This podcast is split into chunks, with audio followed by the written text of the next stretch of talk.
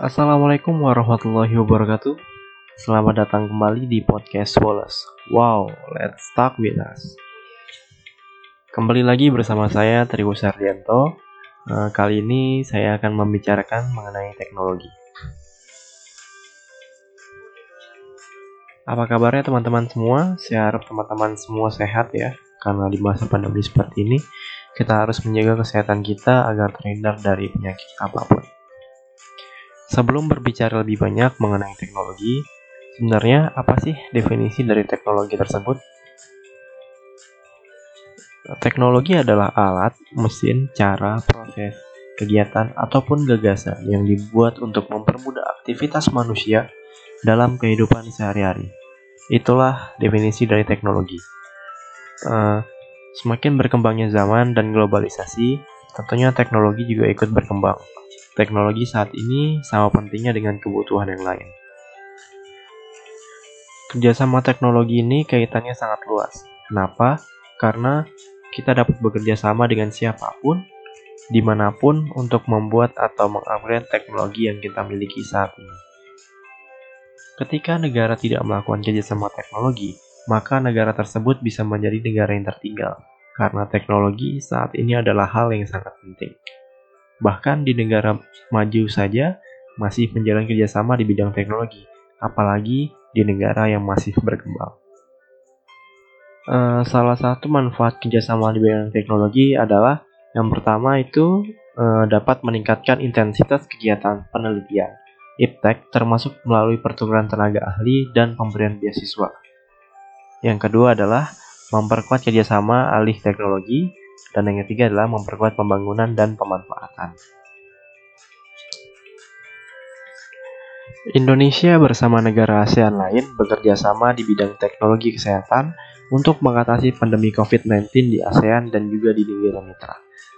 Menteri-menteri dari Indonesia dan negara ASEAN saling bertukar pandangan terkait upaya-upaya yang telah dilakukan dalam meminimalisasi penyebaran COVID-19 dan memulihkan aktivitas ekonomi di negara masing-masing.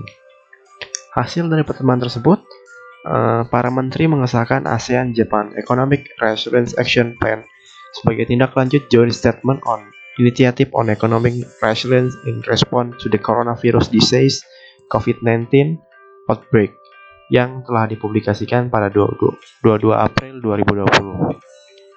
Beberapa kerjasama yang tercakup dalam rencana aksi tersebut dapat dilakukan untuk memulihkan ekonomi ASEAN, antara lain meningkatkan kerjasama dan kolaborasi, menjamin keterbukaan pasar, meningkatkan fasilitas dan arus perdagangan, khususnya di barang penting atau essential good, dan produk medis, serta menghindari penerapan hambatan-hambatan non-tarif yang tidak diperlukan.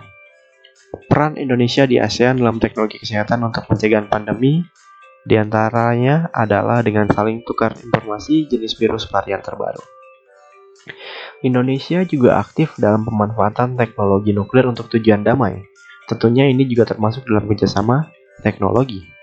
Indonesia dalam kapasitas kekuatan Dewan Gubernur IEA pada tahun 2017 sampai 2018 telah memberikan dampak nyata pada penguatan kerjasama teknis aplikasi nuklir yang memberikan porsi prioritas jauh lebih besar dibandingkan program teknis IEA lainnya yang bersifat pengawasan termasuk dalam lingkup ASEAN. Indonesia sendiri telah memperoleh manfaat dari diplomasi kerjasama teknis nuklir ini berupa penguasaan teknologi dan kemampuan yang menghasilkan berbagai produk riset teknologi nuklir seperti varietas unggul, padi, dan kedelai yang berpotensi memperkuat ketahanan pangan nasional. Produk radiofarmaka untuk penanganan kanker yang dapat meningkatkan kualitas kesehatan masyarakat, penyediaan layanan iradisi produk pangan yang meningkatkan masyarakat. Indonesia juga ditetapkan IEA menjadi tuan rumah dua collaborating center pada bidang mutasi tanaman dan uji tak merusak yang secara reguler memberikan pelayanan bagi SDM negara-negara lain di bawah dukungan program IEA. Saat ini Indonesia juga turut mendorong berbagai inisiatif baru pemanfaatan teknologi nuklir di EAA seperti menjadi negara bercontohan untuk program penanganan limbah plastik, Notek Plastik, dan berpartisipasi aktif dalam jejaring kerjasama penanganan penyakit zoonotik, hewan yang menjadi tantangan baru di abad ke-21. Kerjasama dalam regional ASEAN dan internasional dalam pemanfaatan teknologi nuklir untuk tujuan damai terus-menerus dikampanyekan agar dapat memberikan manfaat langsung bagi pembangunan nasional dan kesejahteraan rakyat. Hal ini selaras dengan visi kebijakan politik negeri nasional yang dicanangkan pemerintah Indonesia. Mungkin itu saja yang dapat saya bicarakan di episode 3 kali ini. Uh, pesan saya semoga teman-teman selalu sehat selalu. Saya harap teman-teman dapat selalu menjaga protokol kesehatan karena dengan menjaga protokol kesehatan kita juga dapat membantu memulihkan negara ini agar segera pulih kembali. Terima kasih. Sekian. Assalamualaikum warahmatullahi wabarakatuh.